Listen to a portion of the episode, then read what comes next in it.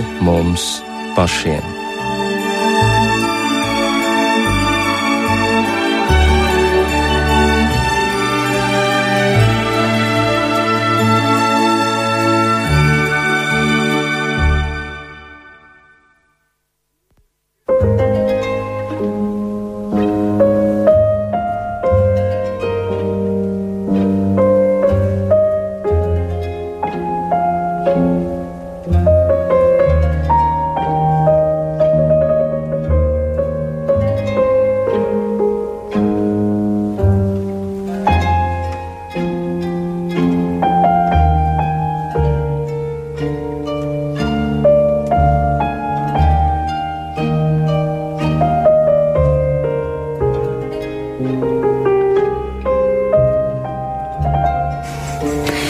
Esiet sveicināti raidījumā pāri mums pašiem, lai top slavēts Jēzus Kristus.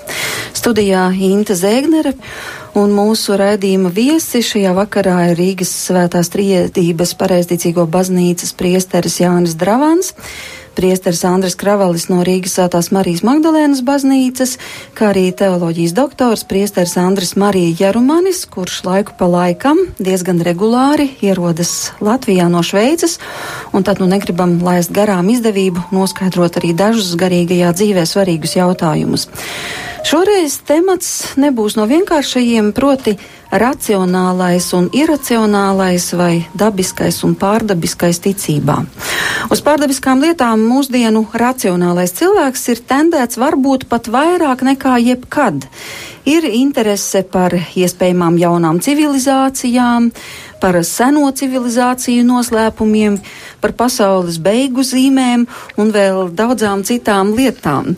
Bet tai pašā laikā mēs diezgan racionāli skatāmies uz redzamām, pieejamām žēlastības zīmēm un uz ārkārtīgi lielu noslēpumu klātbūtni, kas ir atrodams dievnamos jo savai ticības dzīvē, ja vien tāda mums ir, tiek pieiets diezgan racionāli. Nu, nekādu lielu noslēpumu mēs arī ieejot dievnamā bieži vien nesaskatām. Mēs saskatām tikai to, ko redzam. Un tad kas ir vajadzīgs, lai mēs tiktu soli tālāk? Tātad dabiskais un pārdabiskais ticībā. Dažiem ir tā paveicies, ka viņiem nav bijis pašiem jāmeklē šis ticības ceļš, jo tas ir ielikts tā kā šupulī un tiek uzņemts jau no bērnības, un tas ir tik saprotam, ka Dievs ir un viņu var atrast dievnamā.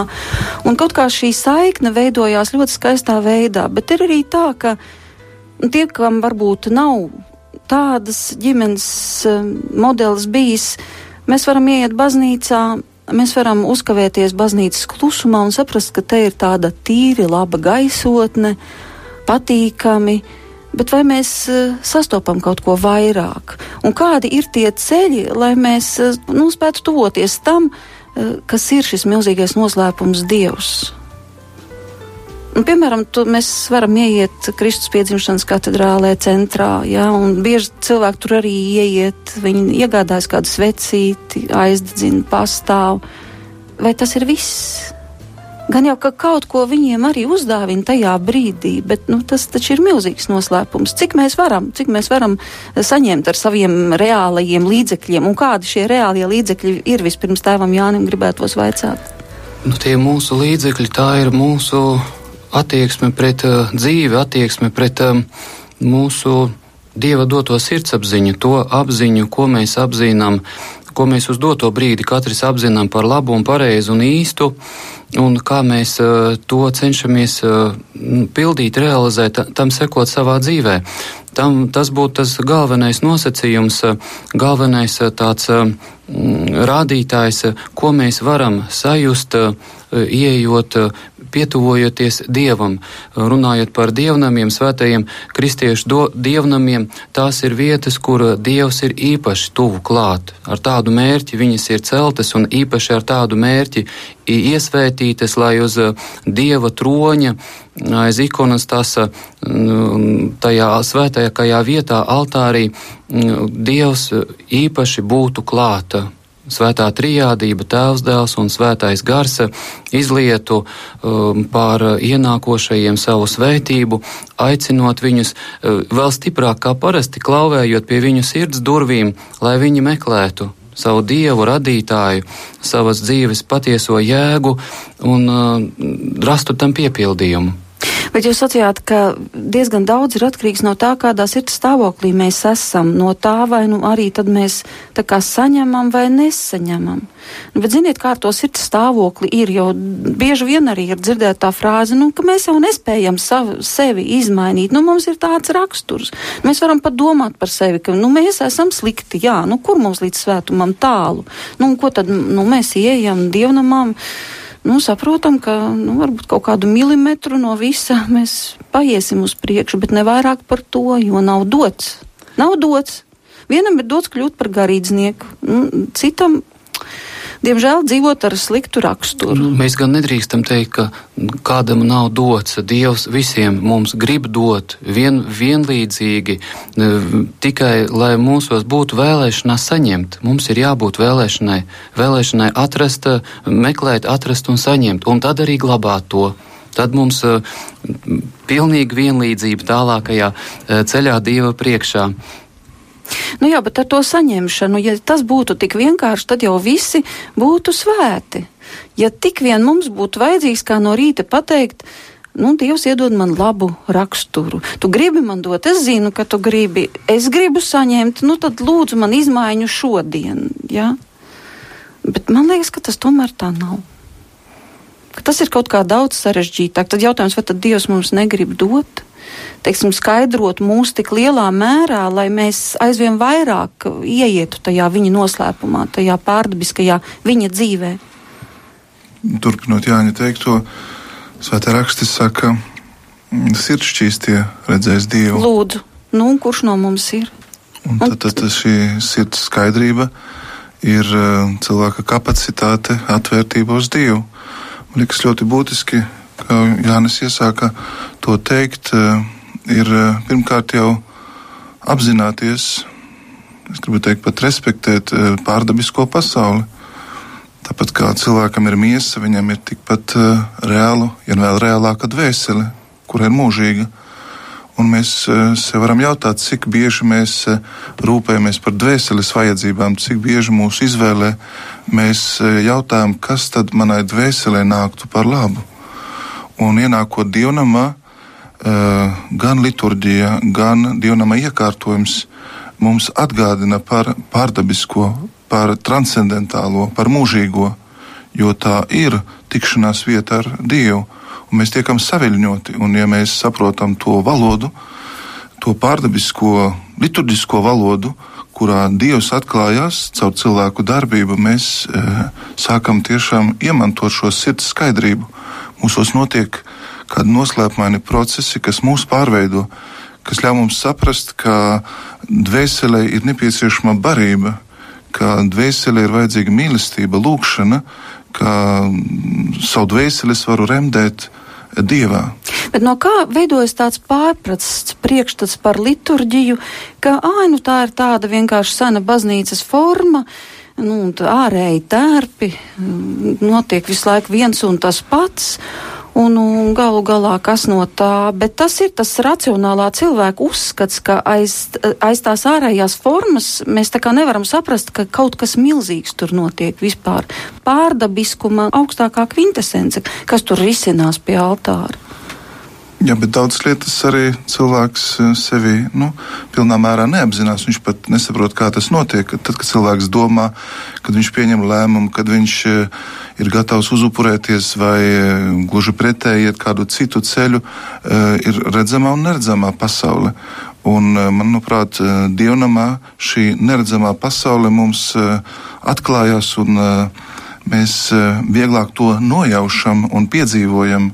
Un man liekas, tāpēc arī dievnam ir īpaši dievam veltīti nami un vietas, kur Dievs tādā veidā atklājās un uzrunā cilvēku. Un eh, patiesībā nu, es piekrītu, ka Dievam ir samērā vecs. Tiem ir kristietībai 2000 gadu, un eh, viņa, ja tā var teikt, dažādos veidos eh, šo ticības noslēpumu ir mēģinājusi atklāt, bet patiesībā nu, vēsts jau ir un paliek tā pati. Šī labā vēsts ir tāda, ka Kristus ir iemiesojies, viņš ir ienācis cilvēku vidū, dodot iespēju cilvēkam atgriezties pie Dieva. pārvarēt grēcīgo dabu un, zinām, mērā, ja tā var teikt, ieiet šī jau zemes virsū ar ticību pārdabiskajā pasaulē, kas ir klātesoša. Nē, es to es saprotu, bet, protams, ka viss ir atkarīgs no cilvēka sirds stāvokļa, varbūt no veida, kāpēc vai no iemesla, kāpēc viņš ieiet baznīcā, bet, nu, tas acīt arī mūsdienu racionāli domājošais cilvēks, arī ieejot un redzot dievkalpojumu un to, kas tur notiek, viņš var tajā saskatīt tikai rituālu, bet nesaprot, ka aiz tā ir milzīgs dieva noslēpums, kas totāli pārveido to, kas tajā piedalās. Sakramenti, jā, mēs varbūt varam nonākt līdz tam. Andris, es ļoti īsi atbildēšu. Es varu aiziet uz sliktu izrādi, un es saprotu, ka tas ir slikts teātris. Bet es varu uh, izrādē piedzīvot kaut ko tādu, ja, kas mani saviļņo, kas man liek ieticēt, kas man palīdz kļūt labākam. Man liekas, tāds ir mākslas un kultūras uzdevums. Bet attiecībās ar Dievu es saprotu, ka tā nav izrāde, bet tas patiešām notiek tagad, šeit, jo Kristus reāli ir klātesošs. Bet es varu tur jau tas lielākais noslēpums, ka neatkarīgi tā, vai tu to redzēsi Romā, visgraznākajā dievnamā, vai tu to redzēsi pasienā, vistrūcīgākajā, vis, vis, vis varbūt pasiena nav varbūt tas galvenais piemērs, vienalga vismazākajā eh, koka dievnamiņā, baznīciņā, un no tā tas, tas lielums nemainīsies, viņš tur būs konstanti klātesošs. Nu, saka taču, vai ne tie, kas nu, grib mācīties kaut ko uzzināt par ticību, tad kas ir sakramenti? Sakramenti ir redzamās Dieva atstātās zīmes, caur kurām mēs iemantojam neredzamu Dievu žēlastību. Un te arī sadurās it kā redzama zīme, un tai pašā laikā neredzama žēlastība. Nu, piemēram, tas pats grēku sūdzes moments nu, būdiņa. Ļoti daudz, kur Rietumē Eiropā vairs pat būdiņu nav. Tur, diemžēl, glabā šajās būdiņās eh, inventāru baznīcu uzkopšanai, par ko daži kristieši ir šokā, kā tā var būt, ka na nav vairs kur izsūdzēt grēkus. Paldies Dievam, Latvijā tā nav. Bet cilvēks pieiet tur, bet viņš atgriežas citādāks, to daudzi zina.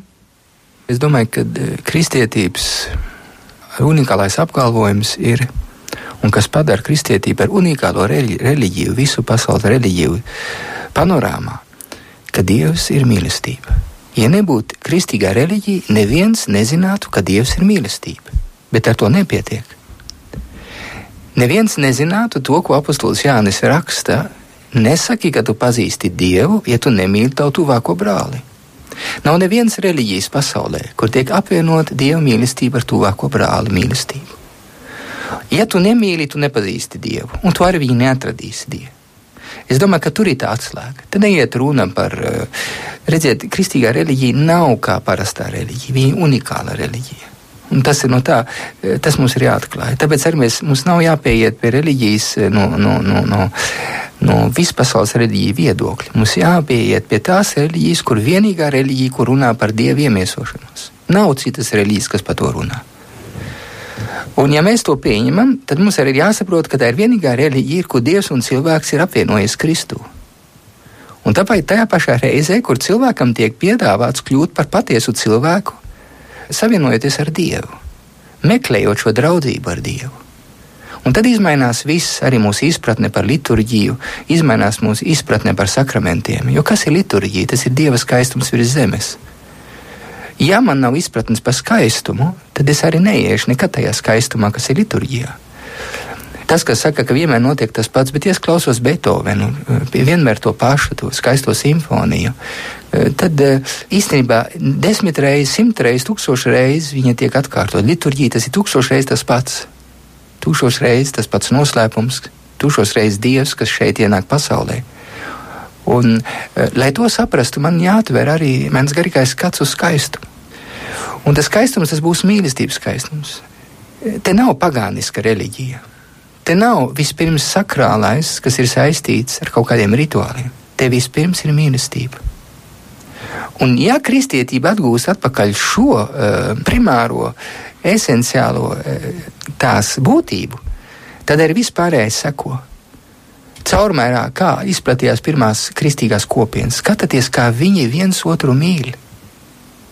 Mīlestība ir dieva vārda inkarnācija. vai iemiesošanās. Dievs iemiesojas katru reizi, kad mēs viens otru mīlam, saka Pāvests Francisks. Eh, katru reizi, kad mēs dzīvojam pēc Dieva žēlsirdības. Un eh, tieši tāpēc eh, cilvēkam ir grūtības pieiet pie Dieva, tāpēc, ka viņš mēģina, viņš domā, ka Dievs ir kaut kur ārpus no šīs realitātes. Viņš Jā. ir tur, kur viens otru mīl. Un tāpēc arī, kur māte Terēza no Kalkutas ir bijusi, viņa ir atklājusi Dievu daudziem cilvēkiem caur savu mīlestību. Viņai nebija jārunā. Vislabākā evanģelizācija, vislabākā Kristus eh, sludināšana ir tieši tā mīlestības liecība, kas ir viskaistākā lieta. Dievs ir mīlestība, un tieši tāpēc viņš ir skaists, saka Svētais Augustīns vai Gregorijs no Nīsas. Jā, Dievs ir mīlestība. Un, ja es mīlu, es ar viņu piedzīvošu. Dievs atklāsies manā sirdī. Un mēs jau ne jau par velti Kristus saka evaņģēļiem, mēs tiksim tiesāti, kā mēs būsim mīlējuši. Es biju cietumā, jūs man apciemojat. Es biju nabadzīgs, un jūs bijat tuvu man. Daži nesaprot pāvests Francisku un saka, redz, lūk, viņš uztver karitas, ja viņš uztver nabadzīgo, bet viņš vienkārši uztver to būtisko, ka Dievs ir iemiesojis nabadzīgā, ka Dievs ir tūs nabadzīgiem cilvēkiem. Un baznīca nav atdalīta no, uh, no mīlestības. Ja viņi būtu atdalīti no mīlestības, tad viņi vairs nevanģelizē. Un arī mēs, kā priesteri, vai mēs kā lai, eh, ja mēs nesam sapratuši, ka Kristus reliģija vai tas ceļš, ko atver Kristus, ir unikāls ceļš, kad mums tā žēlastība tika dota Latvijā, pateicoties austrumu un rietumu misionāriem, kuri sludināja vienu un to pašu - Dievs ir mīlestība un ieveda šajā mīlestībā caur kristību uh, tik daudz līvus un latviešu tautas bērnus. Un šodien ir tā, ka eh, mēs, mēs atsakāmies no šīs bagātības, ko mēs esam saņēmuši. Un tieši tāpēc mēs esam nelaimīgi, mēs esam vientuļi. Jo mēs esam radīti priekš dieva, bet tieši tāpēc mēs neatrodam šo mieru, jo mēs gribam viņu meklēt ārpus šīs mīlestības ar dievu. Un nesakiet, ka e, neviens nesaprot šo valodu. Visas dziesmas, visi romāni runā tikai par mīlestību, visas filmas. Tikai zināmā līmenī, un reti pienāk pie patiesās mīlestības. Bet, ja mēs kā kristieši drīzāk e, sludinātu e, mīlestību, tad arī es domāju, ka visi atpazītu šo patiesību. Nu jā, jūs tā teicāt, ka mēs tiksim tiesāti pēc mīlestības. Nu, un tālāk mēs varam uzdot varbūt tādu mazliet zemākas klases jautājumu. Nu, bet es kādu varu mīlēt, bet kādu nevaru. Un tad ir jautājums, ko tas īsti nozīmē, ka tad nemaz manī nav dieva mīlestības, ka tad ir manī mana personiskā mīlestība, kas izriet no mana rakstura, no situācijas, no apstākļiem un no tā, kā es vērtēju cilvēkus. Gluži reāli. Tad mans miesiskais cilvēks pasaka, nu šo es nevaru mīlēt, piedodiet, Dievs ir mīlestība, bet es tomēr diferencēšu. To, jā, man nav problēma, bet šo, nu kāpēc? Vispirms jāpasaka, ka cilvēks ir brīvs. Mm. Neskatoties uz determinismiem, kā saka, determinismiem, uz raksturu, uz veselību, uz īpašībām, kas man ir. Un es esmu brīvs, izmantojot tos determinismus, tos ierobežojumus. Un, uh, mēs visi esam to piedzīvojuši. Un svēto dzīves ir tas, kas vislabāk parāda, kā dieva žēlastība, dieva mīlestība pārveido kādu sirdī. Un notiek šī atzimšana no jauna. Cilvēks kļūst par jaunu radīšanu. Es, es runāju pirms pāris stundām ar kādu dāmu, kas man teica, zini, pirms 20 gadiem es tā nedomāju, bet es satiku Kristu pirms 20 gadiem. Un tiešām mans raksturs pārveidojās. Un tiešām es spēju mīlēt citādāk nekā pirms 20 gadiem. Tas ir tas brīnums. Un, protams, ir rituāli baznīcā, protams, ir savi ir likumi baznīcā, viņi, bet viņi visi iziet no šī mīlestības baušļa. Bet jau tagad mēs apstājamies pie tā punkta, kad mēs nezinām, kas būs rīt. Bet, ja cilvēks šobrīd ir tādā sirds stāvoklī, ka trīs viņš spēja mīlēt, bet desmit nespēja, nu, tas nozīmē, ka ja viņu tagad Dievs viņam nākošā dienā pasaka, nu labi, parunāsim tagad, vērtēsim pēc mīlestības, tad kur tad būs tas cilvēks?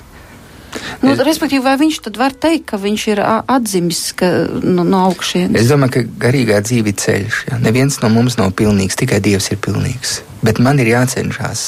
Mēs katrs tas cīnāmies, jūs un es. Mēs to ļoti labi zinām.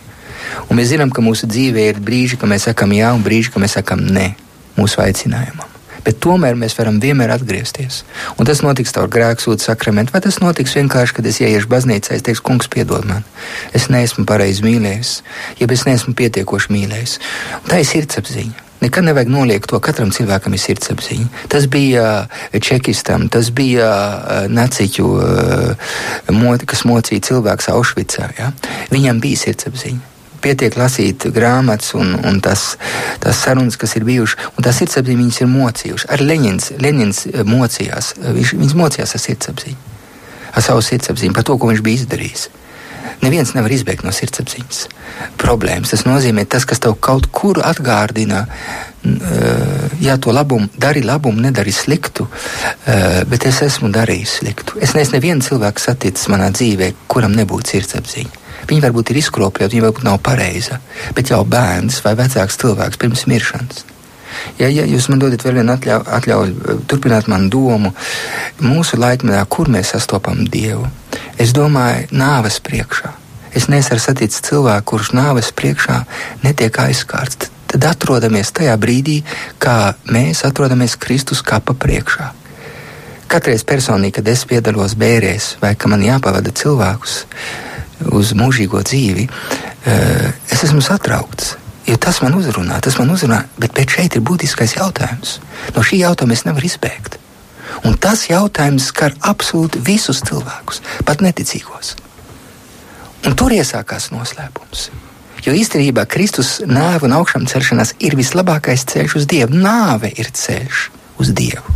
Cik tas ar paradoxāli var likties? Jo nāve man noliek pie būtiskā jautājuma. Es nevaru izbēgt no nāves. Un tad ir tā atbilde. Nav taču iespējams, ka nav nekā. Jo mūsos ir tā vēlme. Uh, un tā pārdabiskā un dabiskā, bet kas tad, tad ir pārdabiskais un dabiskais? Īstenībā mūsu dzīve, kas ir dabiska, jau ir pārdabiska. Paslēptā veidā. Bet tas pārdabiskais, viņš, ja, ja, viņš vienkārši ienāk tavā dzīvē caur nāvi, caur ciešanām. Un caur ciešanas ir tas būtiskais, kas ir. Nav dzīve bez ciešanām. Ņemsim budismu.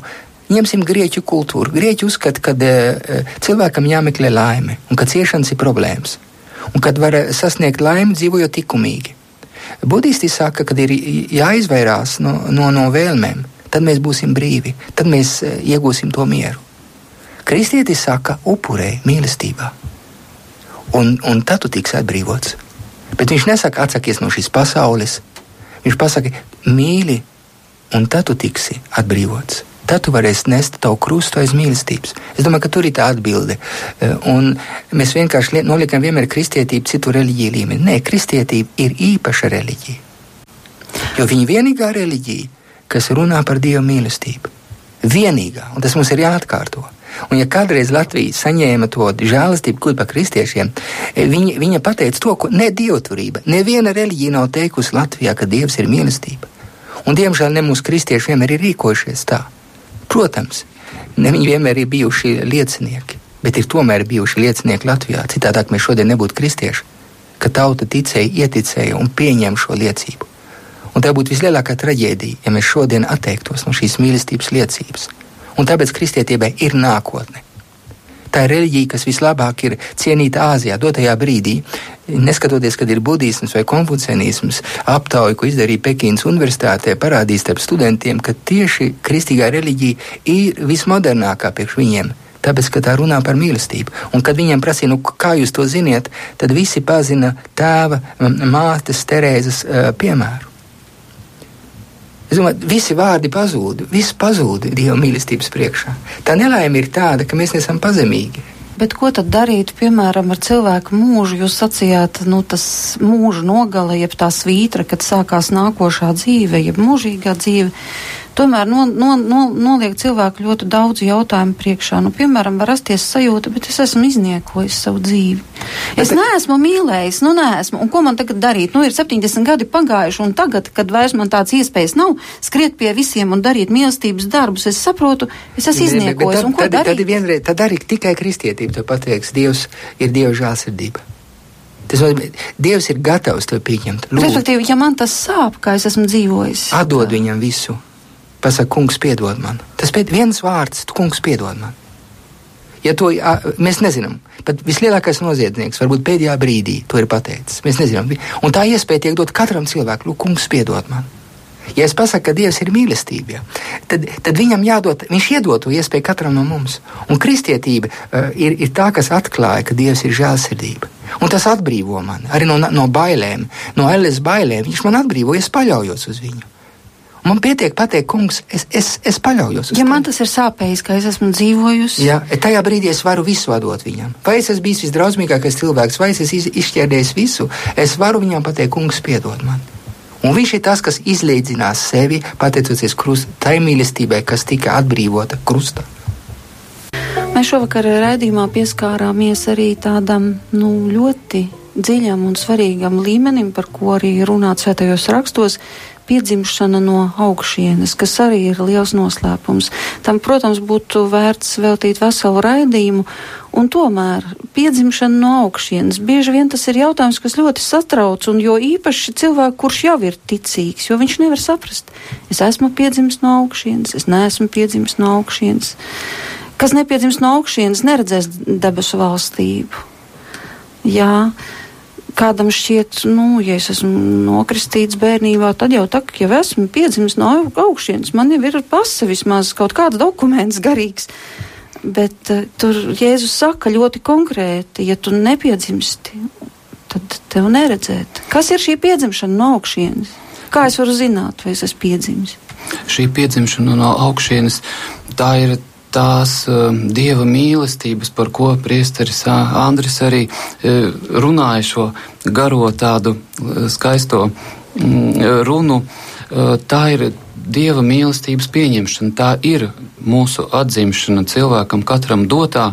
Šīs dieva mūsos ieliktās brīvās apziņas realizācija, pieņemot Dieva patiesību un Dieva mīlestību un, un sākot darbīgi sekot tai. Un mēs varbūt sākumā tā nenodalījām šo momentu, ka ir jau viena lieta, kamēr cilvēks ir meklētāja statusā, kamēr viņš nav pieņēmis, atzinis svētās trijādības patiesību, Dieva vārda iemiesošanos, viņa mīlestību ar tēvu un svēto garu un mm, šo dāvanu cilvēcei doto, tikmēr viņš ir citādāks meklētājs. Kristietis jau ir citādāks meklētājs. Kristietim ir atvērta visa Dieva atklāsme svētajos rakstos, vecajā derībā, īpaši jaunajā derībā. Evaņģēlijs mums ir atvērts, tur viss mums ir uzrādīts. Vai tas nozīmē, ka piedzimšana no augšienes ir notikusi tajā brīdī, kad es apzināti sāku sekot tam, uz ko Dievs ir aicinājis. Nu, respektīvi, tas, kas tur ir rakstīts, mīli savu tuvāko, dara labus darbus un tā tālāk un tā joprojām. Kas ir jādara, tas jau ir rakstīts Bībelē. Ja es apzināti to izvēlos, sāku sekot, vai tas jau ir zīme, ka, ka tā piedzimšana ir notikusi, vai tas nozīmē, ka es vēl esmu ceļā uz to. Manuprāt, lai tā precīzi atbildētu uz šo jautājumu, šāds jautājums tiek uzstādīts svētajos rakstos, un Jāņa evanģēlē trešajā nodaļā to jautā Nikodēms. Nu, jā. un, ja mēs gribētu tā labāk saprast, mums vajadzētu iet pie šīs sarunas, jo Jānis, evanģēlists Jānis veltīja šai sarunai praktiski veselu nodaļu, un šajā sarunā Jēzus runā par to, ka Dieva dēls ir nācis, lai glābtu pasauli, lai dotu mūžīgo dzīvi, un viņš arī runā par krustu. Viņš atsaucās uz mūzu, kas paaugstināja čūsku, un sakot, tieši tāpat ir jābūt paaugstinātam cilvēka dēlam. Un, manuprāt, atzimt no augšas nozīmē patiešām pieņemt uh, Kristus iemiesošanos, pieņemt ar viņa ciešanām, nāvi un augšām celšanos, kurā mēs tiekam ietverti. Un, kad, piemēram, mazs bērns tiek kristīts, viņš jau, e, tā var teikt, caur šo derību kļūst dievam piederīgs. Viņš jau ir atzimis no augšienes, pat ja viņš vēl ir mazs bērns. Viņam pestīšana tiek piešķirta, bet viņam ir apzinīgi jāpieņem šī pestīšanas vēsts, jāpakārto sava dzīve. Tā kā es domāju, man ir bijuši gadījumi, kad cilvēku uz nāves gultas lūdz šo atzimšanu augšas, lūdz kristības sakramentu. Es domāju, ka, kā Andris Marieto sacīja, Dievs patiešām to piedāvā katram un mēs katrs varam atvērt sirdi un lūgt un prasīt, kungs, palīdzi man pieņemt to lielo realitāti, kas ir Dieva valstība. Jo atzimt, manuprāt, no augšas nozīmē patiešām uh, dzīvot ar uh, apziņu, ka mūžīgā dzīve ir manas dzīves vislielākā realitāte. Tā ir tā, kas mani sagaida pēc nāves, kur Dievs ir sagatavojis man vietu Un uh, mana mīlestības kapacitāte būs tā, kas ļaus man iesākt mūžīgo dzīvi. Bet tas varētu būt tāds tests piedzimšanai no augšienes.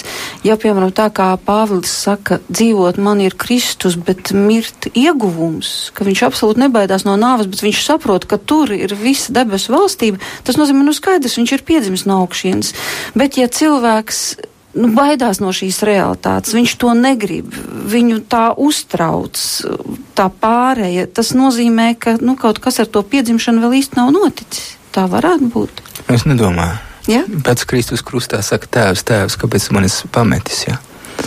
Es domāju, ka tas pieder pie cilvēka dabas, ka nāves priekšā, kas ir traģēdija, drausmīga traģēdija, Kristus dod pareizu atbildi. Bet kāpēc ne... Pāvēlam tā nebija? Nu, pā... Viņš varēja tā teikt, bet viņš ne, bija cilvēks. Nē, nē, nē, viņš nebija nāves brīdī, tad, kad viņam grieza galvu. Mēs nezinām, ka viņam nocirta galva, kā viņš reaģēja.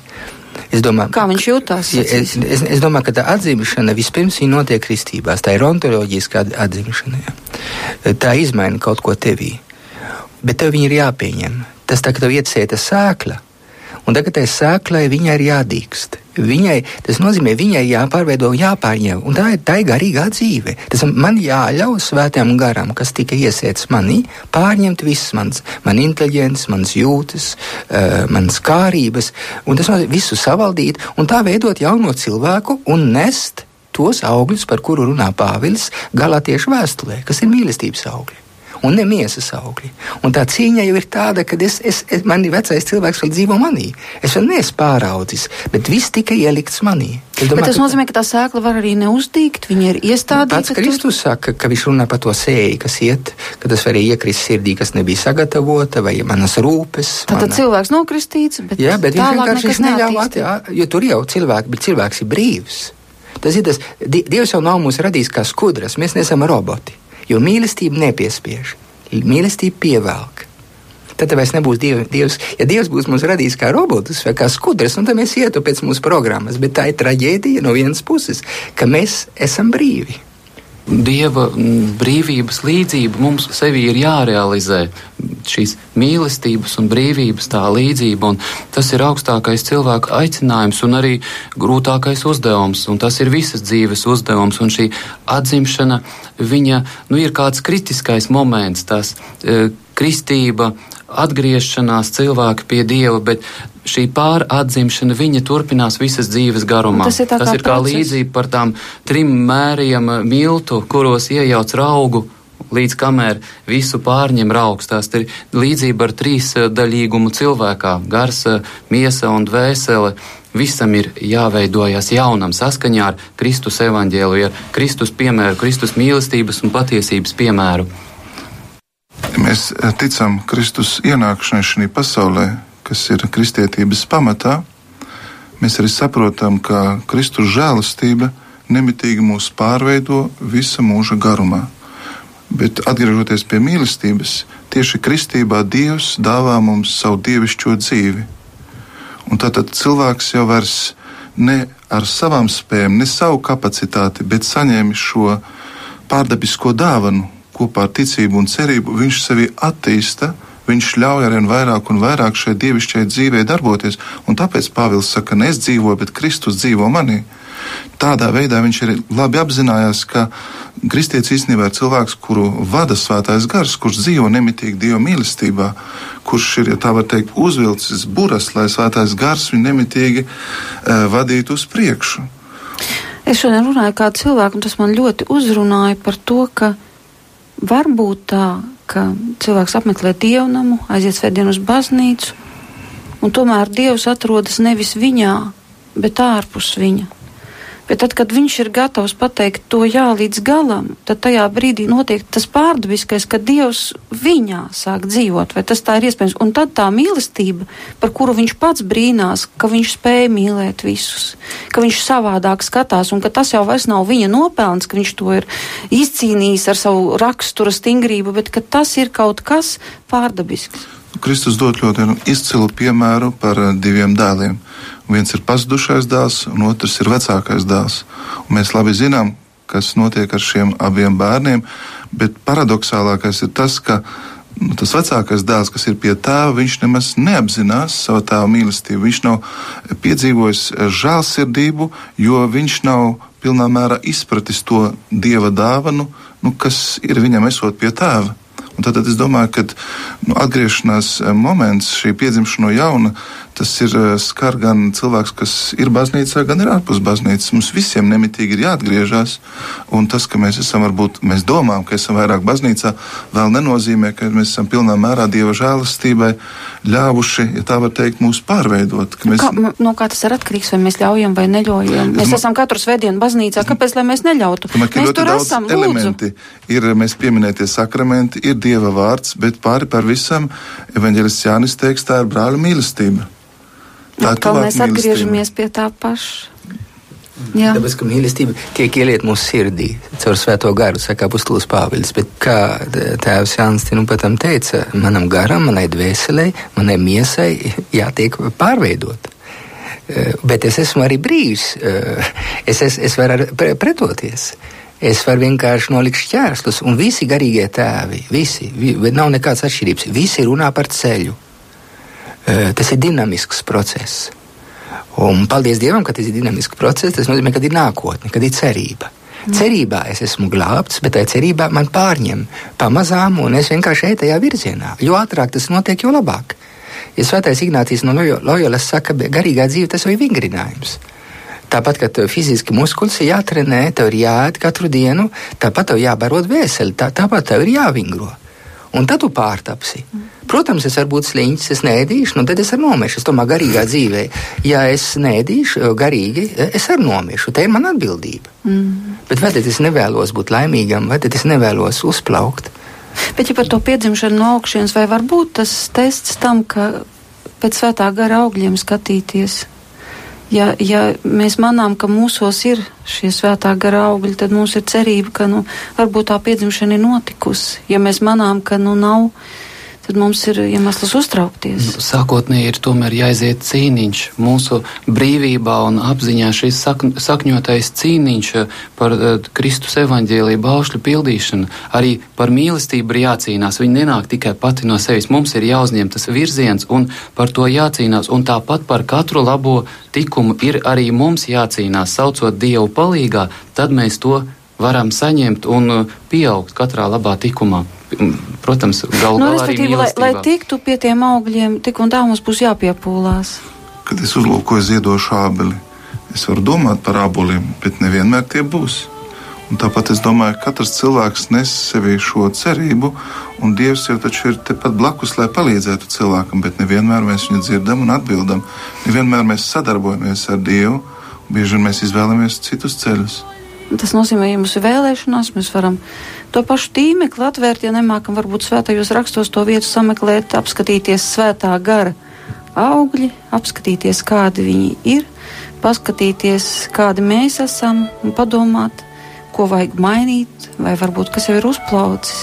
Paldies man jāsaka šovakar mūsu viesiem, priesterim Andrim Marijai Jarumanim un priesterim Jānim Dravantam no Rīgas Svētās trijādības pareisticīgo baznīcas un priesterim Andrim Kravalim no Svētās Marijas Magdalēnas draudzes.